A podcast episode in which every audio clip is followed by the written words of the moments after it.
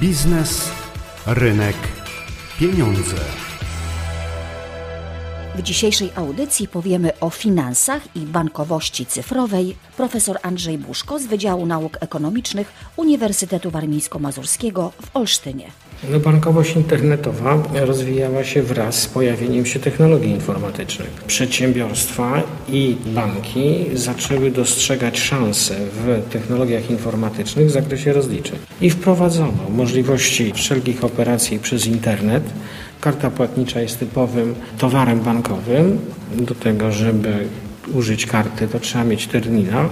Transakcja zabezpieczona jest odpowiednim kodem dostępu i tą kwotę autoryzuje do przelewu. Oczywiście do niewielkich kwot można przyłożyć swoją kartę płatniczą i transakcja jest zaakceptowana. Płatomaty to są te rzeczy, gdzie się wprowadza pieniądze, gotówkę na konto. Są również inne aplikacje, te smartfony, które realizują blikiem. Warto dodać, że ponad 97% Polaków w dalszym ciągu korzysta z gotówki, a ponad 46% transakcji odbywa się w sposób tradycyjny, czyli za pomocą banknotów i monet.